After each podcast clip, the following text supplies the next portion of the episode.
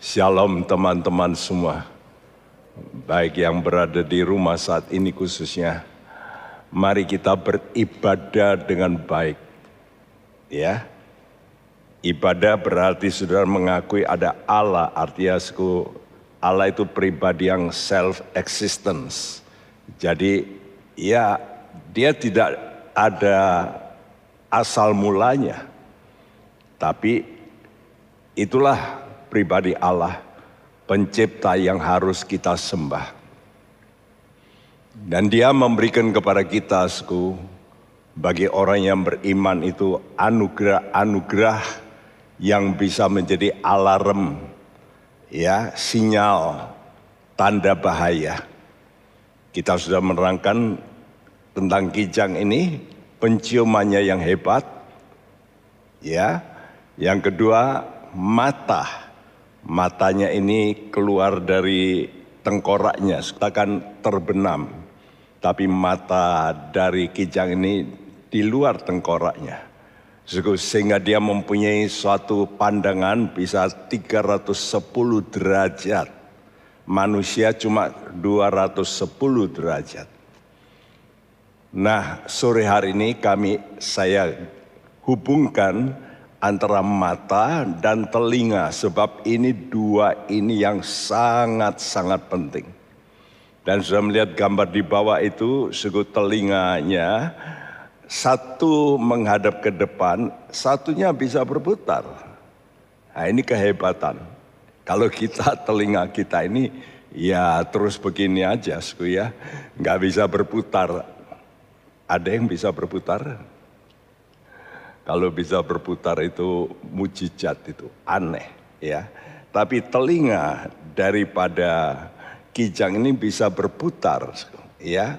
Jadi luar biasa. Hari ini kita bicara bagaimana kita ini bisa menawan hatinya Tuhan. Ya, gambar di sebelah kanan itu manusia. Sudah melihat kalau ada seorang saudara akan kenal, mungkin hubungan, ya, bisnis juga, lihat lebih dulu matanya.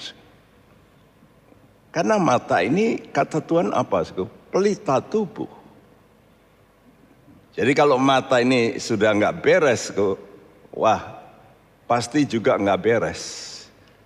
Jadi mata itu menunjukkan kepribadian orang. Nah, kita harus jaga mata kita. Saya yakin kalau sudah melihat gambar sebelah kanan, ya manusia punya mata begini, wah ini pasti ini orang bersih, cemerlang, ya, dan sangat menarik. Nah, sama dengan kijang ini, punya mata yang begitu indah dan bulu mata yang wih, luar biasa ya karena itu kijang ini salah satu binatang yang betul-betul cantik karena itu pantas kalau Tuhan mengumpamakan dirinya sebagai kijang juga mencari kita yang mempunyai sifat-sifat seperti kijang secara rohania. Ya. Saudara, Puji nama Tuhan. Dalam Kidung Agung 1 ayat 15, inilah satu ucapan ya apresiasi dari Tuhan kepada gerejanya.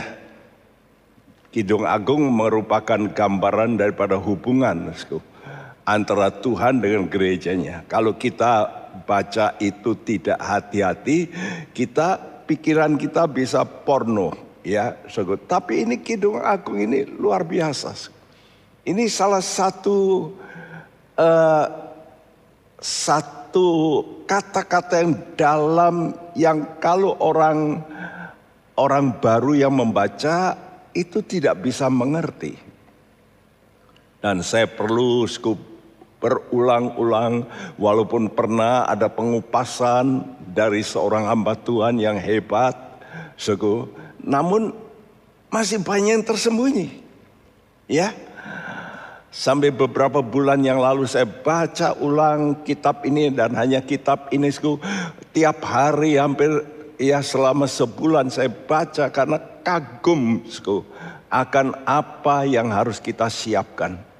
Kidung Agung 1 ayat 15 berbunyi, Lihatlah, cantik engkau, manisku, sungguh cantik engkau, bagaikan merpati matamu. Ya, saudara, Tuhan menilai orang itu cantik rohania atau tidak itu di mana? Mata. Matanya bagaimana? Di sini katakan bagaikan merpati matamu. Jelasku, kita sudah tahu merpati itu adalah binatang yang digambarkan Tuhan tulus. Ya, kita harus cerdik seperti ular, tapi tulus seperti burung merpati. Nah, merpati juga gambaran daripada Roh Kudus.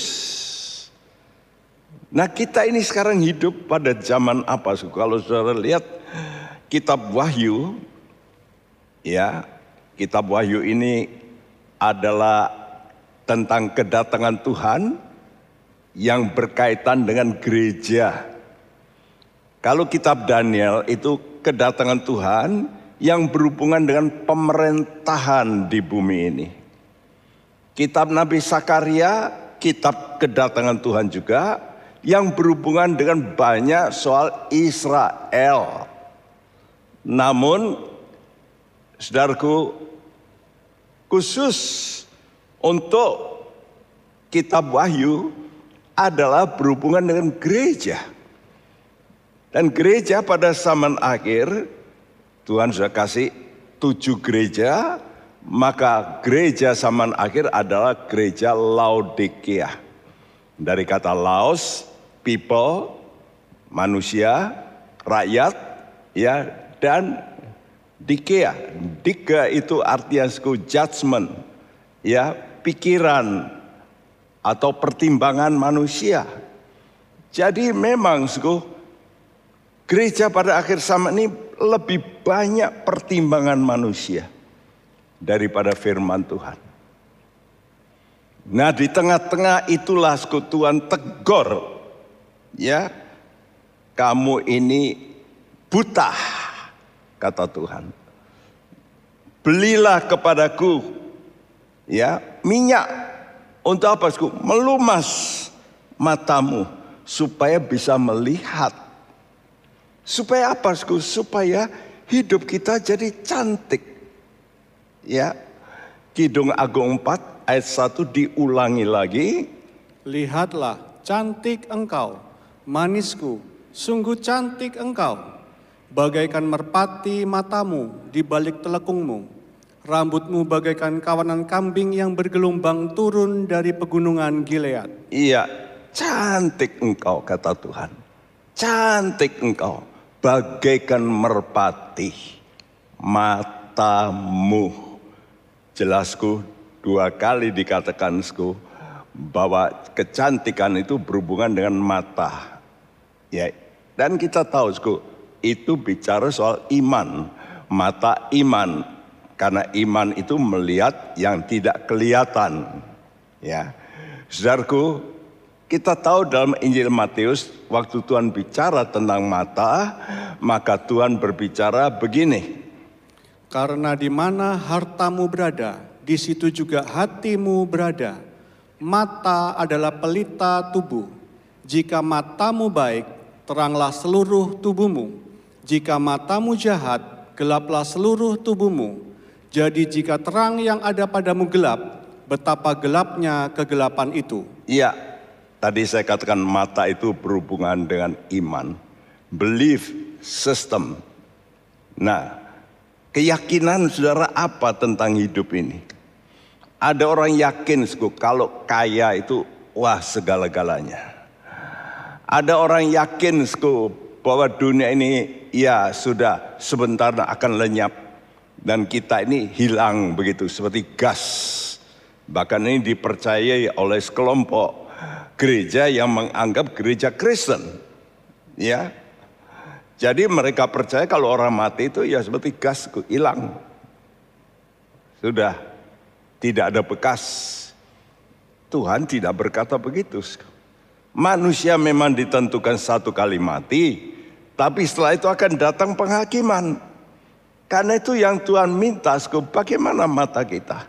Karena mata ini pelitanya tubuh.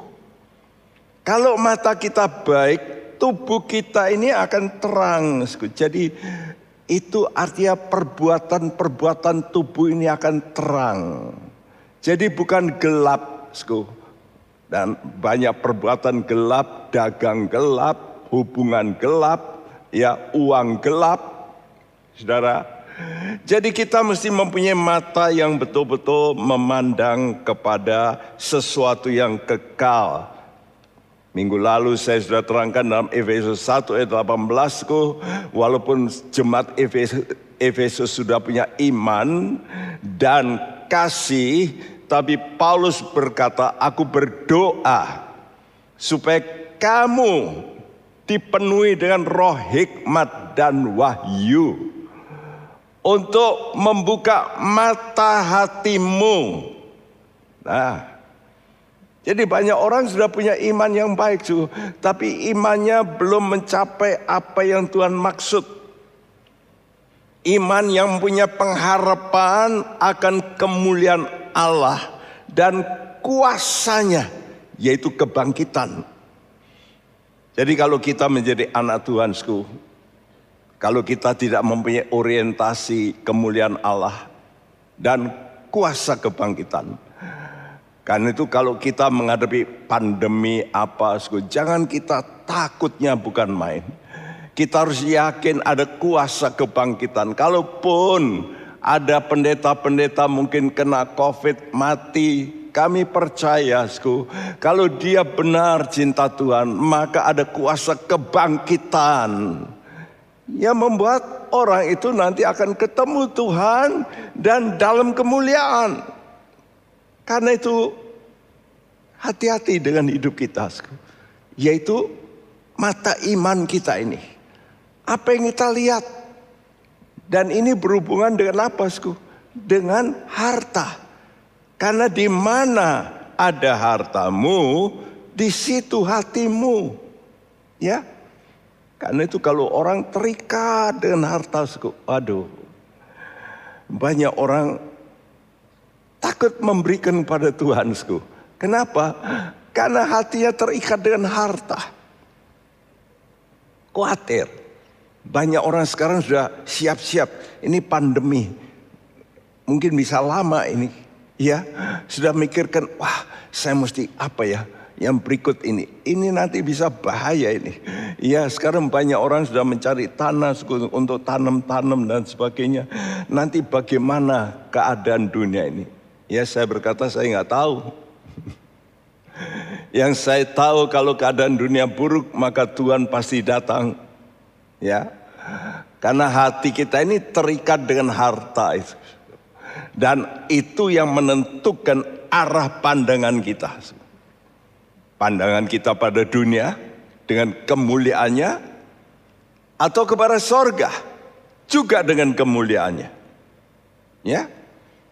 Jadi suku, kalau begitu apa toh yang disebut kecantikan di mata Tuhan? Ya. Dalam kitab Mazmur dikatakan suku, kita harus yaitu uh, berhiaskan ya indah, kita cantik, beauty, ya, itu oleh karena apa? Oleh karena kekudusan. Jadi mata yang kudus. Ini loh, mata kita ini mesti disucikan. Seringkali kita melihat harta dunia, kemuliaan, ya, dan mungkin juga seks. Sego. Dan sering kali terganggu apalagi sekarang dengan adanya internet school dikasih tontonan membuat mata kita ini bisa bias. Tidak bisa melihat kemuliaan Allah. Dan mata kita bisa terseret kepada materi kepada barang-barang yang kelihatan. Tapi kehilangan arah untuk melihat yang tidak kelihatan, yang kekal. Jadi kecantikan di mata Tuhan itu adalah mata yang kudus, yang mendambakan kemuliaan Allah. Saya sudah katakan berulang-ulang Yohanes 5 ayat 44 berkata, bagaimana kamu bisa percaya kamu yang mencari kemuliaan satu sama lain, tapi kamu tidak mencari kemuliaan Allah. Jadi percaya yang genuine, percaya yang betul-betul sejati itu orientasinya itu ada kemuliaan Tuhan. Nah, ini yang bisa menawan hatinya Tuhan sang mempelai laki-laki itu. Kalau saudara orientasimu kepada kemuliaan Tuhan, maka itu akan mendebarkan hati Tuhan. Saudaraku. Waktu saya baca Kidung Agung ini, aduh Tuhan itu juga seperti manusia ya. Kalau sudah manusia itu waktu mulai berpacaran gitu, begitu dek kelihatan gitu, wih jantungnya ini bisa ya mulai degap-degup. Ya, ada sesuatu. Ya, kasih. Ini satu keadaan di mana manusia alami, begitu juga Tuhan. Dan waktu saya baca ini, Tuhan, Engkau kok begitu memperhatikan kami. Jadi kalau ada seorang yang kudus, kok hidupnya kudus, itu hati Tuhan itu degap-degup. Ya, dia sangat tertarik Kidung Agung 4 ayat 9 sampai 11. Engkau mendebarkan hatiku, Dinda, pengantinku. Engkau mendebarkan hati dengan satu kejapan mata, dengan seuntai kalung dari perhiasan lehermu. Betapa nikmat kasihmu, Dinda, pengantinku. Jauh lebih nikmat cintamu daripada anggur, dan lebih harum bau minyakmu daripada segala macam rempah bibirmu meneteskan madu murni, pengantinku, madu dan susu ada di bawah lidahmu, dan bau pakaianmu seperti bau gunung Libanon. Saudara, ini suatu pernyataan di sini pengantenku tiga kali.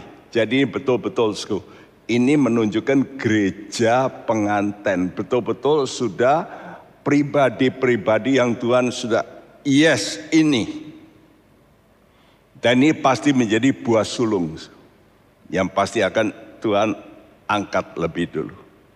Kenapa? Karena Tuhan sudah mengucapkan ini pengantenku bukan kekasih. Tapi pengantin. Ini ucapan pertama dalam Kidung Agung satu penegasan kata penganten.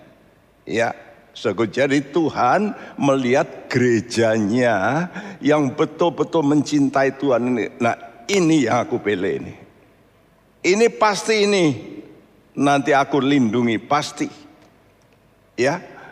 Kenapa? Karena ini mendebarkan hati Tuhan.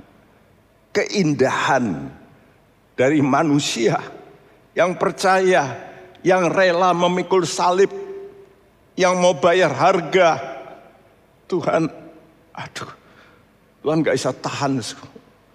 Kalau melihat anak-anak Tuhan yang rela di, ya ditekan-tekan, dilecehkan, dibully, tapi dia tetap setia, dia bisa bersyukur. Tuhan, aduh, hatinya, sku, ini adalah kekasihku. Ini pengantenku, kata Tuhan, mendebarkan dengan satu kejapan mata Ya, saudara. Nah, bukankah ini sesuatu yang membuat Tuhan itu nanti taruh perhatian full. Waktu saya berdoa, saya, berkata Tuhan, mari Tuhan bicara. Saya yakin kalau seseorang sudah jatuh cinta, maka mulai ada namanya dialog. Ya, maka suku hadaplah kepada Tuhan kalau berdoa itu dengan mata yang kudus. Dan Tuhan berkata, aku nggak tahan. Aku nggak tahan. Aku pasti akan mengatakan sesuatu. Ya, Saya ulangi, sku, engkau mendebarkan hatiku dengan satu kejapan mata. Nah, mata yang bagaimana? Yang membuat Tuhan itu bisa sku, terpukau, yang menawan. Sekali lagi Kidung Agung 1 ayat 15 berbunyi. Lihatlah, cantik engkau manisku, sungguh cantik engkau, bagaikan merpati matamu. Iya, bagaikan merpati matamu. Mata merpati, sekali lagi, adalah mata yang dilumas oleh roh kudus. Roh kudus itu roh yang dilambangkan juga sebagai merpati. Itulah mata hati yang dituliskan oleh Paulus mata hati dari orang yang beriman yang melihat kemuliaan Allah sebagai sasaran yang hidupnya. Saya melihat beberapa saleh-saleh Tuhan itu sangat memukau Tuhan. Sehingga Tuhan kadang-kadang kalau menghadapi ya orang-orang demikian yang kadang-kadang dibully, dihina, Tuhan tidak banyak berbicara. Tapi Tuhan hadir dan Tuhan menampakkan kemuliaannya. Ya, begitu Tuhan menampakkan kemuliaannya, maka orang-orang yang membuli itu semua diam. Satu kali pendeta terkenal Modi adalah pendeta yang sederhana, dia dulu tidak lulus sekolah, SD saja tidak, dia jual sepatu mula-mula, tapi dia cinta anak-anak, dia mulai dengan sekolah minggu. Ya, karena itu pelayanan yang betul itu juga mulai terlihat waktu orang itu mulai perhatian dengan anak-anak. Karena itu pendeta-pendeta yang dulunya juga melayani anak-anak, itu umumnya saya melihat itu hamba Tuhan yang setia. Ya, saya dulu juga melayani anak-anak. Sundoro juga melayani. Pak Ian ini juga melayani sekolah minggu. Jadi bukan orang-orang gede yang punya, wah, yang punya duit dan sebagainya dilayani. Bukan, anak-anak yang nggak bisa balas Nah kalau hati kita mulai dari anak-anak itu, maka itu pelayanan yang murni. Ya, hati kita terpukau dengan anak-anak ini. Saudara, jadi betapa pentingnya, sku, mata kita ini mesti melihat pelayanan. Ya, bagaimana mengubah manusia yang hina itu. Manusia yang tidak punya arti itu supaya bisa berubah Ya. Dan kita melihat itu dimiliki mata demikian oleh saleh-saleh Tuhan yang membuat kemuliaan Allah hadir waktu mereka dibully. Ya, saya tuliskan beberapa pribadi ya yang mempunyai mata yang sangat memukau Tuhan. Yang pertama itulah Musa. Saya berkata, tidak ada di Alkitab orang yang waduh hebat seperti Musa ini. Ini salah satu tokoh yang luar biasa dalam perjanjian lama. Ya.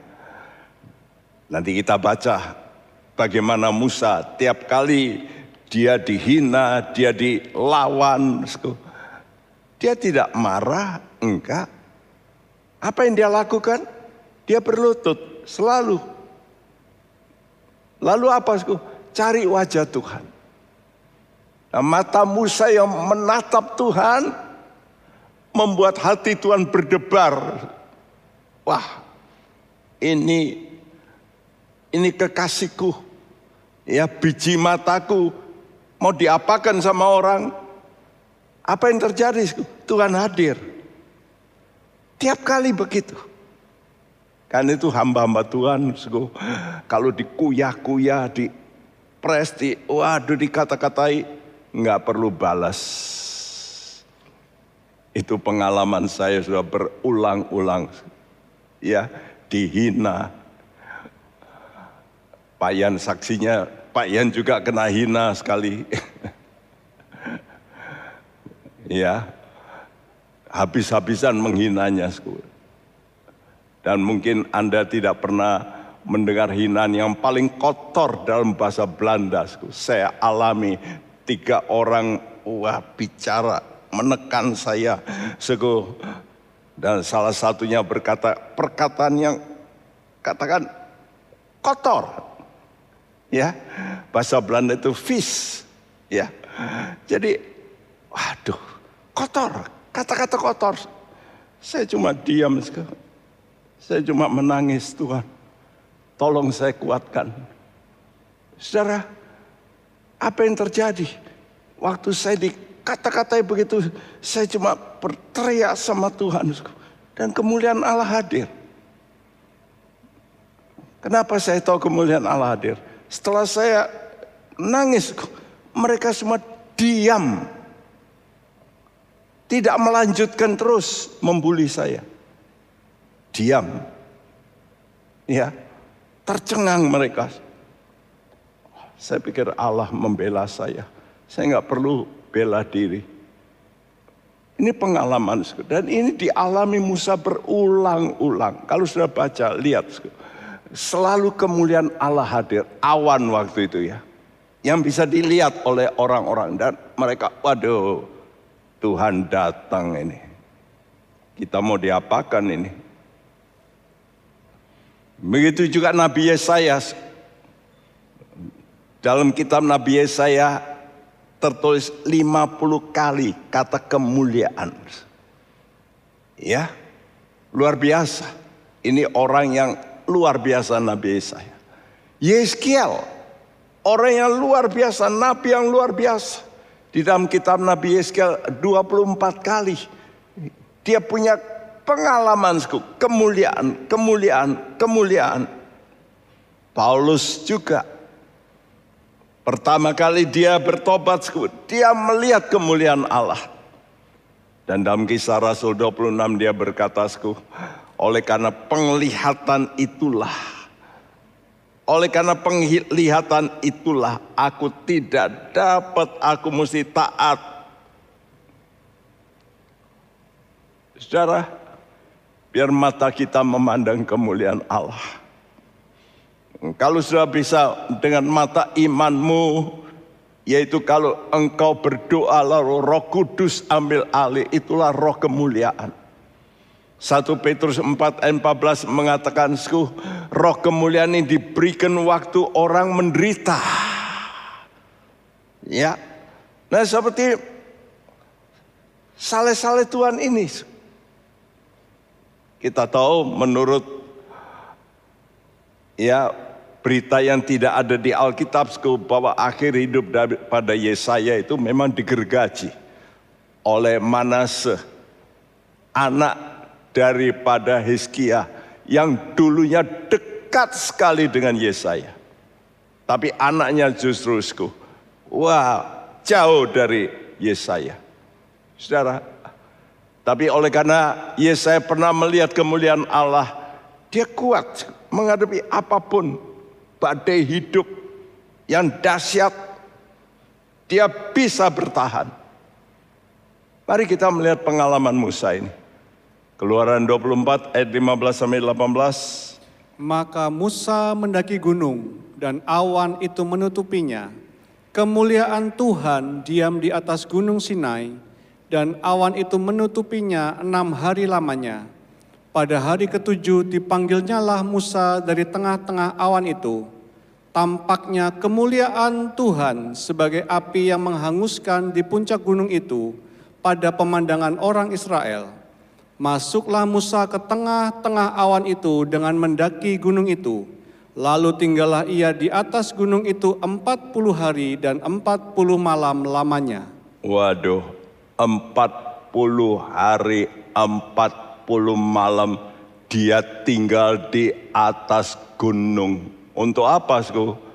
Berdoa dan berpuasa tanpa makan makan dan tanpa minum. Coba tanya dokter. Orang bisa enggak? Pasti mati. Pasti mati. Ya, tante saya luar biasa berani. Diambil puasa 40 hari tanpa makan. Tapi masih minum. Minum air putih. Tapi dia berkata ada satu saat saya nggak kuat. Dan saya perlu minum madu sedikit. Kalau nggak nggak tahan panas. Ya. Saya cuma tiga hari tiga malam tidak makan tidak minum. Waduh tubuh saya panasnya bukan main. Ya, saudaraku. Bayangin kalau sudah tidak makan, tidak minum. 40 hari, 40 malam. Dan Musa melakukan bukan sekali, kalau sudah Anda perhatikan Alkitab, dia melakukan sampai tiga kali. Dan saya rasa tidak ada orang yang tertulis di Alkitab sampai melakukan tiga kali berpuasa. Dan puasanya baru dia turun. Wah, dia balik lagi. Lanjut. Wih, saya nggak tahu waktu dia turun makan apa enggak, tapi dia lanjut naik lagi. Nggak tahu berapa waktu itu karena harus ya bikin batu yang dibentuk tentu cepat-cepat bisa lalu langsung naik lagi. Dan itu dilakukan sampai tiga kali. Saudaraku. Kita melihat kemuliaan Tuhan memampukan Musa untuk berada 40 hari 40 malam di atas gunung yang dingin tentunya. Itu kalau orang tidak mempunyai satu tubuh yang fit, mana bisa? Saudara saja yang sudah ke Israel dibawa ke situ sudah wah sudah keok, betul nggak? Naik gunungnya aja sudah capeknya bukan main. Saudaraku. Ini berpuasa lagi. Tanpa makan, tanpa minum. Mana mampu manusia biasa kalau tidak ada kuasa yang mendampingi penolong roh kudus. Saudara, pengalaman Yeskiel ini. Yeskiel 1 ayat 28. Seperti busur pelangi yang terlihat pada musim hujan di awan-awan. Demikianlah kelihatan sinar yang mengelilinginya. Begitulah kelihatan gambar kemuliaan Tuhan. Tatkala aku melihatnya, aku sembah sujud.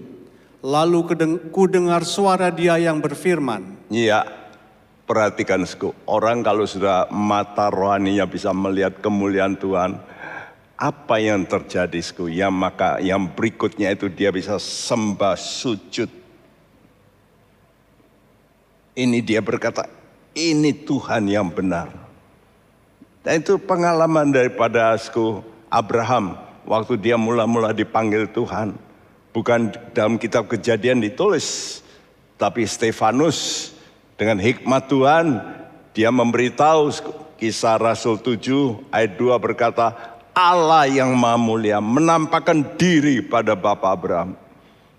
Jadi waktu itu langsung suku Bapak Abraham mau keluar dari tanah airnya. Dia tidak tahu ke mana. Kenapa berani? Karena melihat kemuliaan Tuhan. Dan saat itu seperti apa yang pasti dialami oleh Yeskiel. Dia sembah ini Allah ini. Ini yang betul ini. Dan waktu dia sembah apa yang terjadi? Mendengar suara. Perhatikan rentetan ini. Jadi perhatikan urutan ini. Pertama, mata melihat kemuliaan Tuhan. Dalam beberapa orang pengalaman yang sekarang kita sering dengar di YouTube, bahkan orang-orang yang belum percaya Tuhan, mereka mendapat penglihatan Yesus hadir, betul nggak? Lalu melihat apa? Kemuliaan Tuhan. Ini orang-orang yang belum pernah dengar nama Yesus sekalipun. Ya mungkin dengar tapi nggak ngerti apa-apa. Tapi mereka punya pengalaman melihat apa? Kemuliaan Tuhan. Dan begitu mereka melihat kemuliaan Tuhan, mereka lalu yes ini. Ya. Disebut Allah. Allah itu artinya sesuatu yang harus dipuja, disembah, sesembahan. Kalau kita sudah berkata Allah, God, itu sesembahan. Ya, kalau bicara Tuhan itu artinya uh, yang berkuasa. Tapi kalau Allah itu berarti ini mesti disembah. Ya, jadi kalau orang sudah melihat kemuliaan Tuhan, dia suka sujud menyembah Tuhan. Dan kalau orang itu sudah suka sujud menyembah Tuhan, maka dia mulai mendengar suara. Ya, dan suara Tuhan ini yang memberikan dia iman, yang membangun, yang memberikan kekuatan dia untuk bisa tahan menghadapi segala masalah. Jadi mata yang melihat kemuliaan Tuhan itu membuat telinga mudah menangkap. Coba perhatikan orang-orang yang dipanggil Tuhan yang dulunya bukan Kristen. Ya, sudah dengarkan sendiri kesaksian. Begitu banyak sekarang kesaksian. Mereka dikunjungi Tuhan kadang-kadang di rumah sakit. Mereka melihat cahaya kemuliaan Tuhan. Lalu apa? Mereka mendengar suara. Ya, kisah Rasul 9 ayat 4 dan 5. Ia rebah ke tanah dan kedengaranlah olehnya suatu suara yang berkata kepadanya, Saulus, Saulus, mengapakah engkau menganiaya aku? Jawab Saulus, siapakah engkau? Tuhan, katanya, akulah Yesus yang kau aniaya itu. Iya, Saulus ini dulu memusuhi orang Kristen habis-habisan menyeret ya bahkan sampai dia keluar negeri untuk apa sku? Untuk mencari orang Kristen. Orang-orang Yahudi waktu itu yang sudah jadi Kristen diseret, ditimpukin termasuk Stefanus seorang hamba Tuhan yang luar biasa. Itu matinya juga oleh karena Saulus. Saudaraku, dia begitu giat untuk menghantam orang-orang Kristen. Tapi waktu dia dalam perjalanan ke Damsik, cahaya kemuliaan Tuhan menerpa dia, dia jatuh ke tanah. Dan apa yang terjadi? Dia mendengar suara. Ya, jadi penglihatan ini membuka telinga. Sehingga mulailah ada satu hati untuk mau dengar Tadinya nggak mau dengar. Dan perhatikan, mata dan telinga ini dua hal yang sangat penting dibuat oleh Tuhan. Amsal 20 ayat 12. Telinga yang mendengar dan mata yang melihat, kedua-duanya dibuat oleh Tuhan. Ya, karena itu saya gabungkan dua ini. Kalau pertama penciuman saya terangkan secara khusus sendiri. Tapi telinga dan mata ini ini dua ini karena ini sangat penting untuk iman. Iman datang dari mana? Dari mendengar. Betul? Karena itu telinga ini sangat-sangat penting. Tapi telinga ini bisa mendengar kalau kita mempunyai mata yang bisa melihat. Ya. Dan itulah iman. Iman juga. Jadi suku mata yang melihat kemuliaan Tuhan ini membuat telinga itu makin wih, terbuka. Coba perhatikan gambar ini. Ya, sudah akan melihat gambar ini ada sesuatu yang aneh. Kenapa, Sko? Karena gambar ini sudah lihat ini telinga ini menghadap ke depan. Tapi ini enggak ini. Coba perhatikan ini juga. Ini menghadap ke sini nih telinganya. Tapi ini menghadap ke sana. Ya, ini. Ini telinga menghadap ke kita ini. Tapi kalau ini menghadap ke sana. Kok bisa ya? Jadi kijang ini bisa muter telinganya. Suara itu dari mana ini? Di air radar. Dia cari suara ini dari mana ini? Ini gambarnya lebih jelas. Ini tentu di antara pohon ya. Ini pohon, ini pohon. Ini telinganya, ini ke belakang ini. Ini ke depan ini. Ya. Jadi satu telinga bisa ke belakang, satu ke telinga bisa ke depan. Wow. Untuk apa, Sku? Ini berarti, Sku, betapa penting bagi Kijang ini mempunyai kepekaan terhadap suara. Tapi orang-orang sekarang ngerti, Sku, gimana bisa mengelabui ya. Saya baca, Sku, orang-orang berburu dilarang memakai blue jean. Sekarang orang makin pintar karena diselidiki terusku. Karena warna biru itu sangat bisa dilihat. Ya, karena itu mereka suka pakai loreng-loreng gitu. Dan kadang-kadang dinempel di pohon dengan baju loreng-loreng. Jadi sepertinya daun-daun. Jadi nggak diperhatikan tapi pegang panas. Nah, kena lah. Ya, Saudaraku, jadi anugerah telinga yang dapat berputar ini membuat kijang ini bisa sangat peka dari mana suara ini datang. Ya.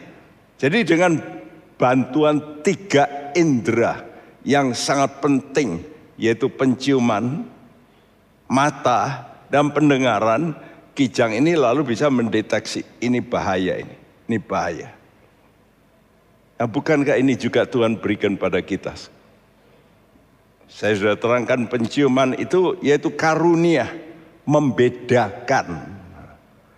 Jadi kita mesti bisa, ah ini suara ini, ini firman ini nggak benar ini. Kita bisa membedakan, ya.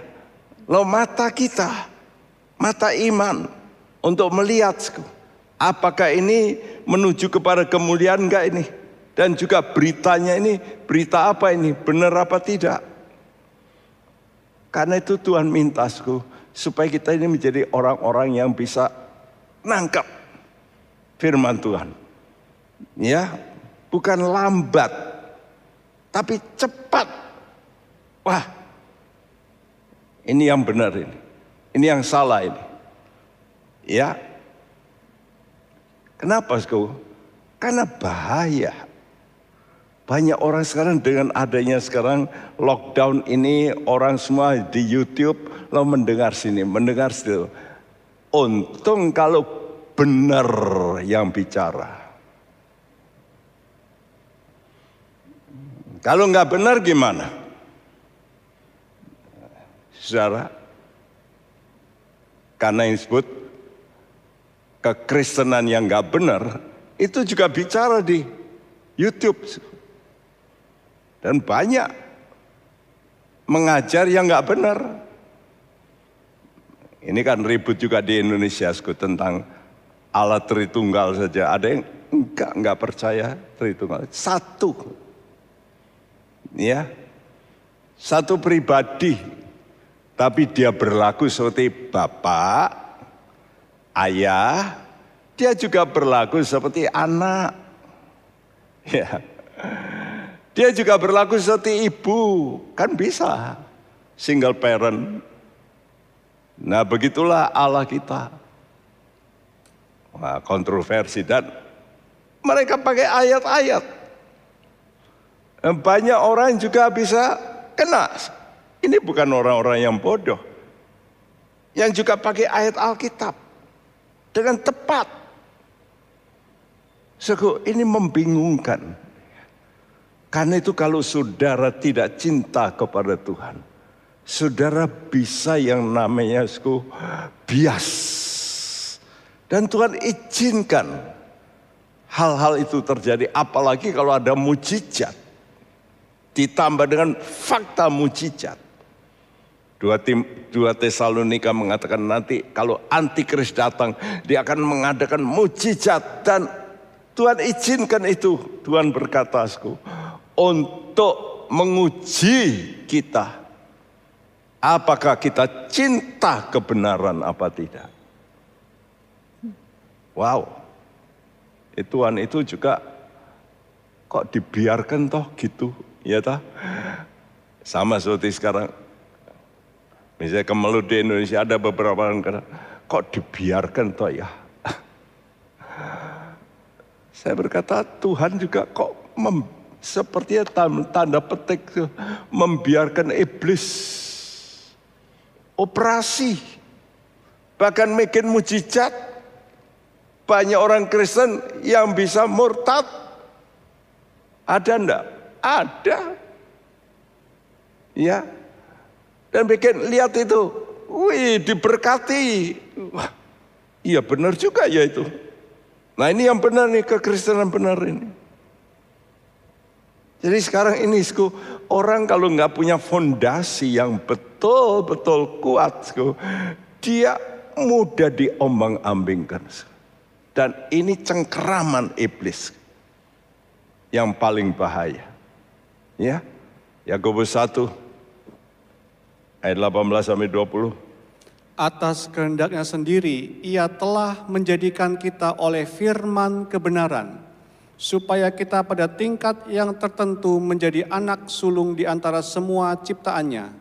Hai saudara-saudara yang kukasihi, ingatlah hal ini, setiap orang hendaklah cepat untuk mendengar, tetapi lambat untuk berkata-kata, dan juga lambat untuk marah Sebab amarah manusia tidak mengerjakan kebenaran di hadapan Allah. Iya. Ayat-ayat ini sudah saya kupas di uh, doa malam. Tapi waktu itu sampai ayat 18, lalu ayat 19 perikop yang lain. Tapi kali ini saya gandengkan. Kenapa saya gandengkan? Karena ini juga ada relasi, related begitu atas kehendaknya sendiri, iya Tuhan menjadikan kita, menjadikan kita. Jadi kita ini dijadikan. Nah, kalau kata dijadikan itu berarti harus proses. Oleh apa? Firman. Nah, kata dijadikan ini proses, ya. Dan prosesnya oleh firman. Dalam Roma pasal 6, firman itu seperti molding. Molding itu cetakan, ya. Jadi misalnya ini, ya mic ini, mic ini bentuknya kalau ada seri nomornya sama, bentuknya semua sama dengan ini. Dan itu semua dikerjakan dengan alat cetak molding dari apa dari bahan yang tadinya tentu metal dipanasi leleh lalu dituangkan dicairkan lalu dimasukkan untuk dicetak. Begitu juga hidup kita. Hidup kita ini kalau mau dibentuk oleh Tuhan mesti dicairkan lebih dulu. Tidak dapat tidak. Ya? Dan waktu dicairkan itulah kita mengalami sesuatu yang enggak enak. Karena harus lewat panas. Penderitaan. Kalau bicara soal panas, berarti penderitaan. Karena itu kalau sudah dijadikan oleh firman, itu biasanya lewat eh, molding, remasan tangan Tuhan. Tangan penjunan yang mulai membentuk engkau dan kau merasa sakit. Aduh, Kok Tuhan biarkan saya begini?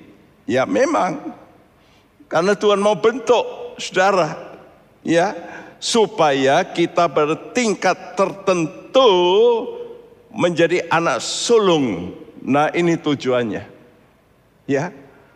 Kalau kamu sudah tahu ini, maka Tuhan kata, hei saudara-saudara yang kukasih, ingatlah ini, setiap orang hendaklah cepat untuk dengar. Jadi kamu ini mengalami penderitaan itu, itu saat engkau cepat dengar firman Tuhan. Banyak orang mengalami penderitaan sakit penyakit, tapi ya hanya cari dokter kesembuhan. Mestinya itu kesempatan untuk kenapa ya saya begini nih. Saya mesti cari Tuhan, Tuhan bicaralah Tuhan. Itu kesempatannya sangat penting. Cepat dengar. Lambat berkata-kata. Kok dihubungi dengan lambat marah? Kenapa? Ya karena ini. Loh ini saya baik. Kok Tuhan izinkan begini? Kadang-kadang orang itu marah sama Tuhan. Ada problem. Loh Tuhan aku ini sudah begini loh. Ya seperti Ayub lah. Ayub kan marah sama Tuhan. Betul nggak? Dia nih, Tuhan, aku ini kan sudah baik. Kok Tuhan izinkan begini? Apa engkau nggak lihat kebaikanku? Seperti Tuhan ingin lebih baik, Ayub yang lebih baik. Ya, Ayub sudah baik, tapi bukan the best. Dia perlu diperbaiki. Jadi kalau kita ingin luput dari korban dimangsa si jahat. Karena waktu kita diproses itulah, iblis itu mulai, eh, ayo marah kamu sama Tuhan. Kalau sudah marah, wah dimangsa. Ya. Jadi kalau kita ingin luput dari korban dimangsa, kita harus mengenal kebenaran. Karena kebenaran inilah yang membebaskan engkau. The truth shall make you free. Waktu kita mulai kenal kebenaran, kita mulai merdeka dari ketakutan. Ya. Kalau orang masih takut, berarti apa kata Tuhan? Kurang kasih. Di dalam kasih tidak ada ketakutan, karena itu itu ukurannya. Ya, jadi kalau sudah mulai, waduh, ini pandemi, waduh, ini ini chip sini nanti, waduh, semua mau dipasang, ini piye? Tadi pagi saya sudah dapat info, ini sebentar lagi maksa lewat pandemi ini, justru ini kesempatan untuk dunia, sku. Makanya kalau sudah nanti keluar negeri lain kali, saudara nggak dicip, oh nggak bisa. Anda nggak terdata di tempat kami, aduh sulit. Ya. Jadi waktu saat kita dijadikan firman kebenaran melalui proses seku, saat itulah seku, kita diminta untuk cepat dengar. Ya. Dan lambat marah, jangan marah-marah dulu. Mungkin sama si A yang Tuhan izinkan menghantam saudara. Mungkin si B yang itu kawanmu kok dia mentolo banget gituin saya. Ya. Kalau Anda percaya semua terjadi dalam pengetahuan Tuhan. Tapi ini untuk orang yang lurus tuh ya. Jadi nanti kalau sudah ditangkap polisi karena mencuri, dalam pengetahuan Tuhan. Bukan, itu salahmu sendiri. Tapi kalau Tuhan izinkan sesuatu terjadi dan itu dalam pengetahuan Tuhan, pasti Tuhan punya maksud yang baik. Oleh karena itu mari kita mau berkata Tuhan, kami mau ikut Engkau dengan baik. Kami mau belajar dengar suaramu.